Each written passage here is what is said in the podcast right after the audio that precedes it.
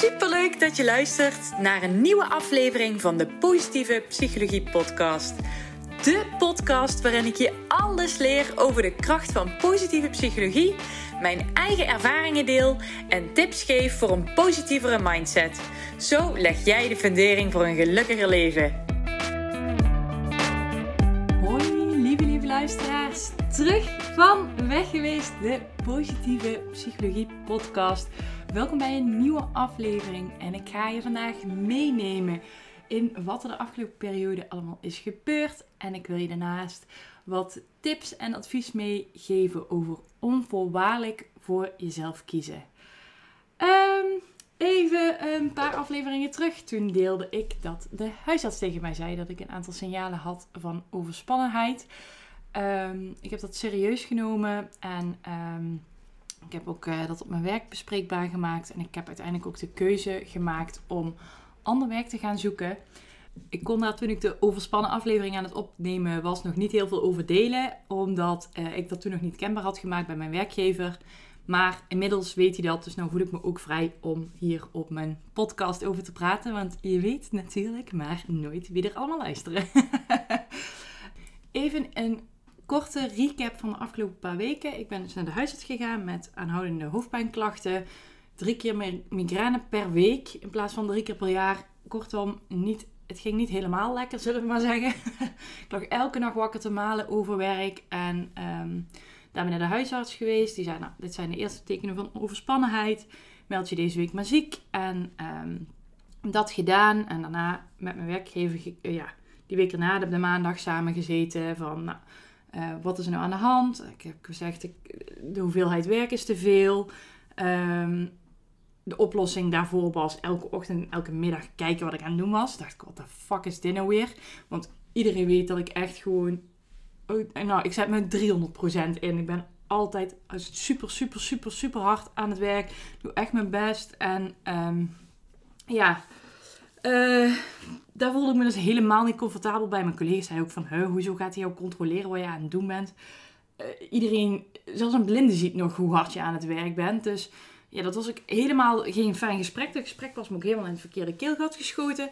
En voor mijn gevoel moest ik dus vanaf dat moment voor straf elke dag weer naar kantoor. Want ik zat uh, vooralsnog vier dagen in de week thuis en één dag in de week ging ik naar kantoor.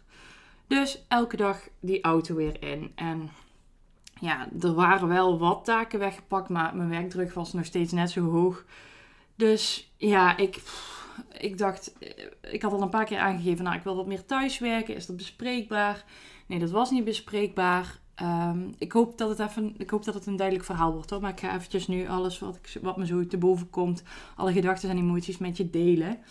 Um, dus ik dacht, ja, weet je, dit gaat zo echt niet langer. En ik, heb het natuurlijk al eerder bespreekbaar gemaakt dat ik meer thuis wilde werken. En ja, daar was, daar was ook geen ruimte voor een tussenoplossing. Natuurlijk, volledig thuiswerken was geen optie. Dat begreep ik zelf ook wel. Dat was ook niet mijn wens. Met twee dagen thuis, drie uh, op kantoor wel. Nou, dat was allemaal niet mogelijk. En uh, weet je, ik, op een gegeven moment dacht ik, weet je, ik, ik wil dit niet meer. Ik wil niet meer zo hard werken dat ik daarvan elke dag hoofdpijn heb. Dat is het gewoon niet waard. En uh, ik, ieder weekend lig ik op bed, iedere avond lig ik op bed. Al mijn vrije tijd gaat eigenlijk op aan op bed liggen met hoofdpijn. Ja, dat is gewoon, dat is gewoon op zoveel fronten gewoon niet oké en niet gezond ook. En op een gegeven moment heb ik besloten dat uh, mijn gezondheid belangrijker is dan werk. Ik heb vanuit thuis uit heel erg meegekregen dat werken heel erg belangrijk is. En ja, natuurlijk, dat is ook zo. Maar mijn gezondheid is belangrijker. En ik ben toen aan het solliciteren gegaan. En dat had ik toen nog niet gedeeld met mijn werkgever. Heb ik toen ook in die vorige aflevering ook niet verteld. Um, maar ik voelde me daardoor heel erg achterbaks. Of ik iets achter de rug van mijn werkgever om aan het doen was. En toen dacht ik, oh, ga ik dit nou zeggen? Dat ik ineens weg ben? Ik was dus super boos. Dus ik denk ongeveer twee weken na het gesprek toen was ik al ergens de tweede ronde door. Toen dacht ik, ja shit, nu moet ik het toch wel echt gaan vertellen.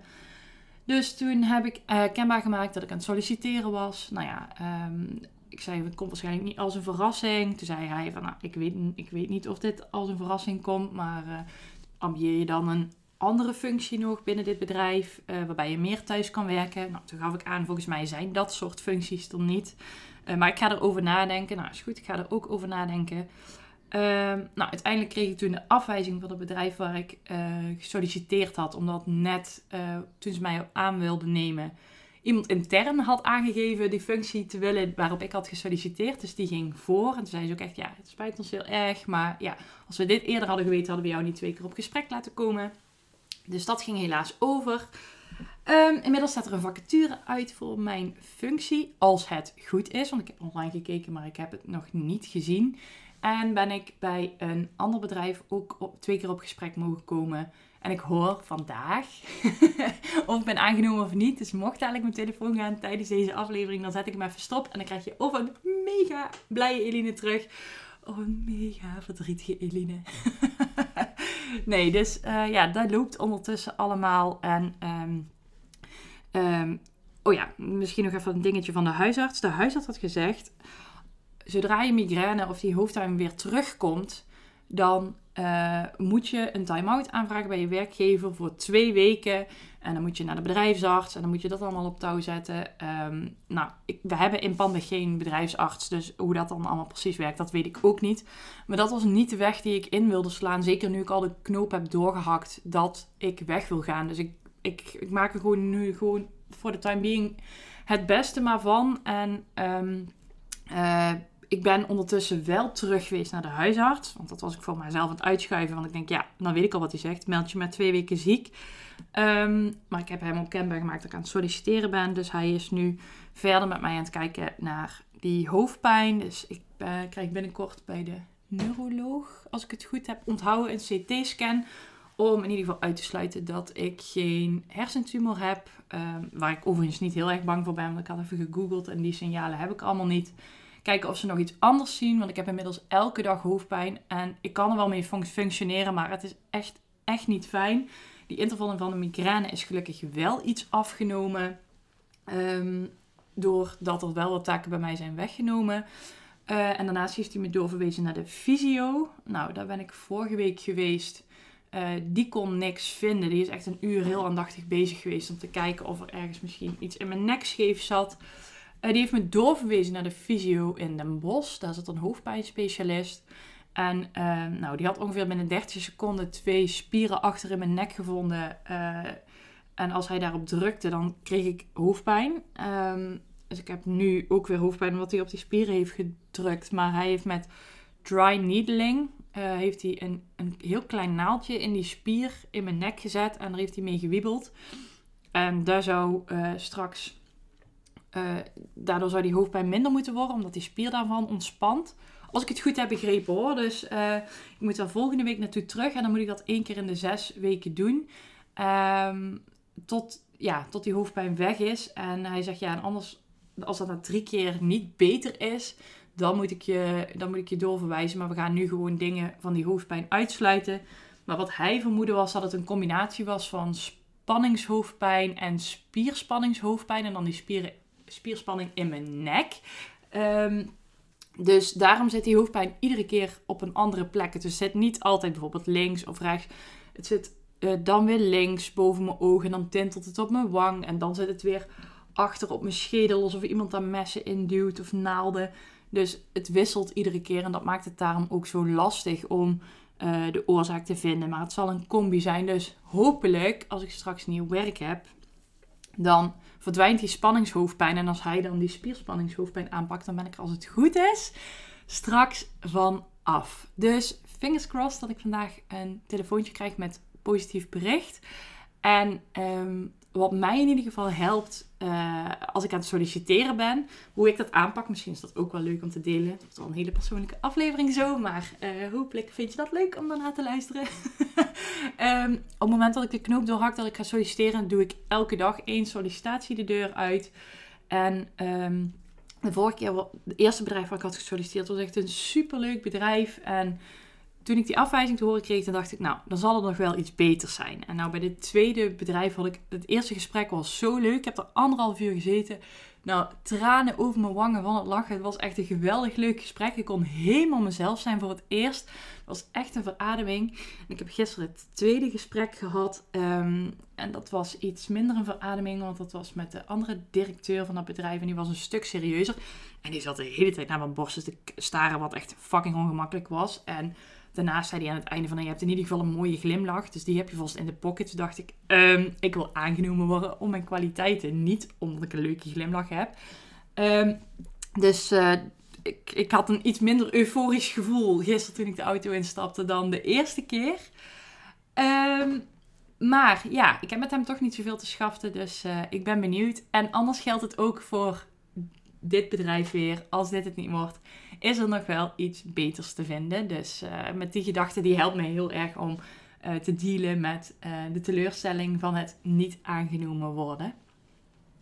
Maar goed, ik heb dus de afgelopen periode nogal wat geworsteld met mezelf. Want ik kan mijn werkgever toch niet in de steek laten. Ik heb echt een mega groot verantwoordelijkheidsgevoel. En zo'n groot verantwoordelijkheidsgevoel is een bitch. Want ik heb uiteindelijk alleen maar mezelf ermee. Omdat ik alleen maar aan mijn werkgever aan het denken was en niet aan mezelf. En ik heb nu toch uiteindelijk voor mezelf gekozen. En dat was echt niet makkelijk. En ik denk ook dadelijk word per 1 juni aangenomen. En ze hebben nog geen vervanger voor mij aangenomen. En hoe moet dat dan? En iedereen die ik spreek zegt tegen mij: Maar Eline, dat is niet jouw probleem, dat is hun probleem.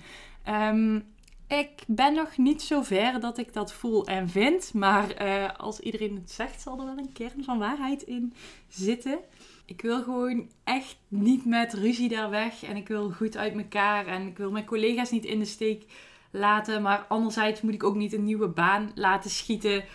Omdat uh, ik mijn oude werkgever niet in de steek wil laten tussen aanhalingstekens. Dus in die twee strijd zit ik nu. Um, maar wat ik in ieder geval in deze aflevering met je wil delen, zijn in ieder geval de belangrijke lessen die ik de afgelopen weken heb geleerd. En dat is dat het echt helemaal oké is om jezelf op de eerste plaats te zetten. Dat je gezondheid belangrijker is dan werk. En ik heb daarom ook even de podcast laten vallen. En ik ben wat minder actief geweest op Instagram.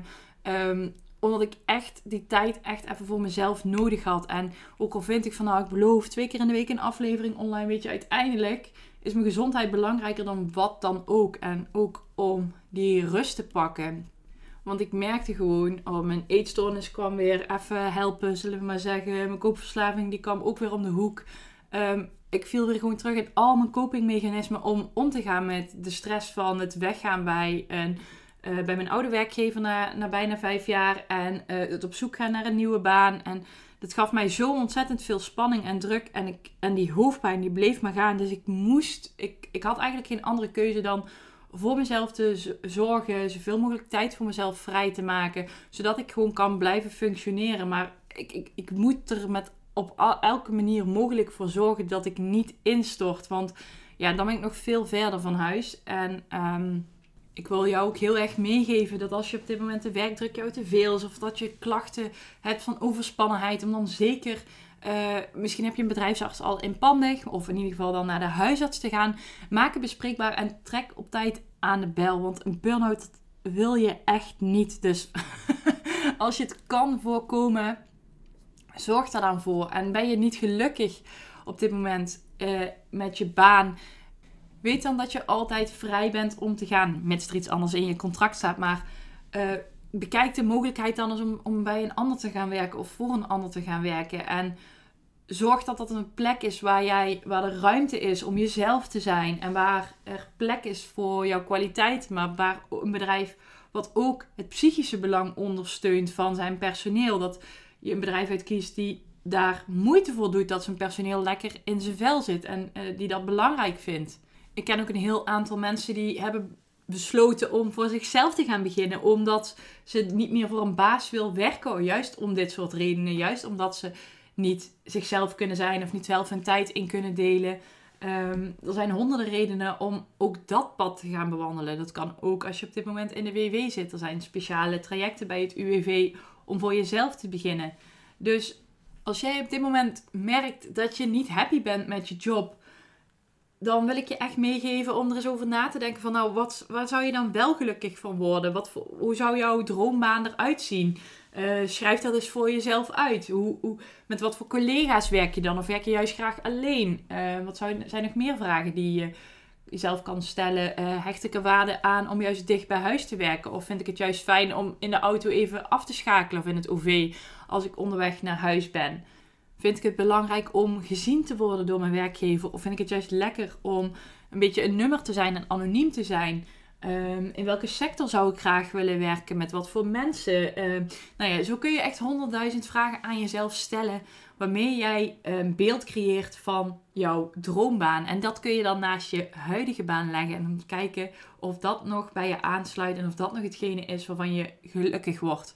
Want als ik naar mezelf kijk, ik vind mijn werk echt super, super, super, super leuk. Het is alleen te veel en te veel reisafstand. Dus ondanks dat ik mijn werk echt super leuk vind zijn de omstandigheden daaromheen hetgeen wat me op dit moment niet meer gelukkig maken. En daarom ga ik dezelfde job zoeken. Lekker wat dichter bij huis. En ik zorg er in ieder geval voor dat ik op functies solliciteer.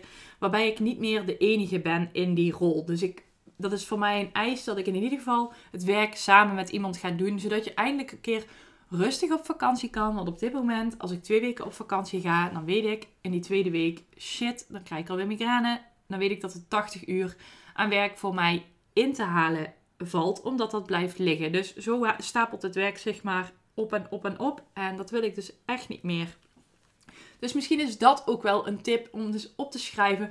Wat, uh, wat zijn dingen in mijn baan die ik echt niet oké vind. En wat, waar ik gewoon niet happy van word. En um, kan je daarmee leven op dit moment? Of ga je juist een job zoeken waarbij je al die punten waarvan je niet happy wordt Ehm, niet hebt.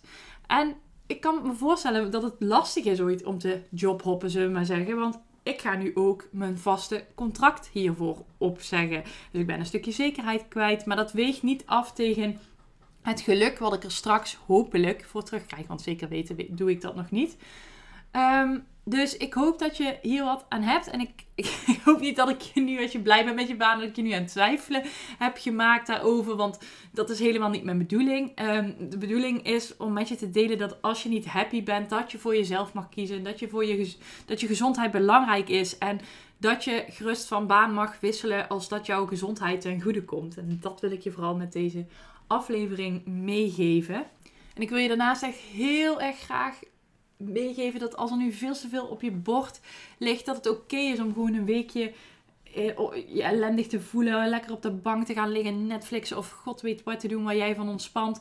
Dat het oké is om gewoon even je eigen batterij weer terug op te laden om uh, hè, voor jezelf te kiezen. En je kan pas goed voor anderen zorgen als je goed voor jezelf zorgt. En het is zo'n cliché, maar het is zo ontzettend waar. Dus mocht je op dit moment het, het allemaal niet meer trekken en het allemaal niet meer overzien, neem dan even lekker een weekje voor jezelf. En uh, ja, als je kinderen hebt, is dat misschien wat lastiger. Maar misschien heb je familieleden die even voor je kinderen kunnen zorgen, noem maar wat. Maar zet jezelf op de eerste plaats, hoe lastig dat ook is. En ik weet hoe moeilijk het is, maar het is wel heel erg belangrijk. En je plukt daar later de vruchten van. Want als je weer een keer goed slaapt en weer een avond voor jezelf hebt, of een dag voor jezelf hebt, of lekker even een keer een wandeling gaat maken, gewoon even lekker tot rust komt, dat gaat je uiteindelijk onderaan de streep zo ontzettend veel opleveren. En ga naar de huisarts als je, je, als je je fysiek niet lekker voelt of mentaal niet lekker voelt. Je huisarts is altijd het startpunt, die kan je verder helpen. Heb je geen goede klik met je huisarts, zoek dan lekker een andere, want je kan gewoon overstappen van huisarts. Mits je in een mini-dorp woont met maar één huisarts. Want je moet binnen een straal van 10 kilometer van je huisarts wonen. Maar goed, uh, weet dat die mogelijkheid om te wisselen van huisarts bestaat. Als je je daarbij niet op je gemak voelt. En trek op tijd aan de bel. Want je bent het echt ontzettend waard. En ik moet dat soms ook tegen mezelf zeggen. Dat ik gerust voor mezelf mag kiezen. Ook al is dat lastig. Het, hoeft niet per definitie makkelijk te zijn. Je mag ook gewoon aan jezelf, tegen jezelf zeggen: Oké, ik ga voor mezelf kiezen. Het is echt niet makkelijk, maar ik ga het wel proberen. En al die kleine stapjes die je op dat moment probeert, zijn al mooi meegenomen. Echt onvoorwaardelijk voor jezelf kiezen. Het mag en het kan. En het hoeft echt niet in één keer helemaal goed te gaan als je daar nog geen ervaring mee hebt en altijd klaar staat voor alles en iedereen behalve jezelf. Maar weet dat elke stap een stap in de goede richting is. Al is het alleen maar vijf minuutjes gaan lezen voordat je gaat slapen. Ook al is het maar even vijf minuutjes je nagels lakken. Ook al is het maar even vijf minuten je baard in model brengen. Ik noem maar wat. Elk, elke keer dat jij voor jezelf kiest, is mooi meegenomen. En je verdient rust en je verdient gezondheid en je verdient om jezelf op de eerste plaats te zetten.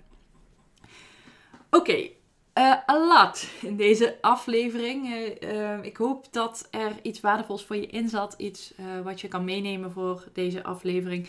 ik hoop dat je jezelf gaat gunnen om je gezondheid voorop te stellen. Voor jezelf te kiezen. Op wat voor manier dat dan ook mogelijk is. Ehm, bedankt weer voor het luisteren. En hopelijk tot de volgende keer. Heel erg bedankt voor het luisteren. Mocht je deze aflevering interessant hebben gevonden, maak even een screenshot, deel het in je story en tag me op Instagram. Mijn accountnaam is Eline underscore online coaching. Zo gun je ook anderen een positieve mindset. En ik vind het heel erg leuk om te zien wie er allemaal geluisterd hebben. Tot de volgende keer!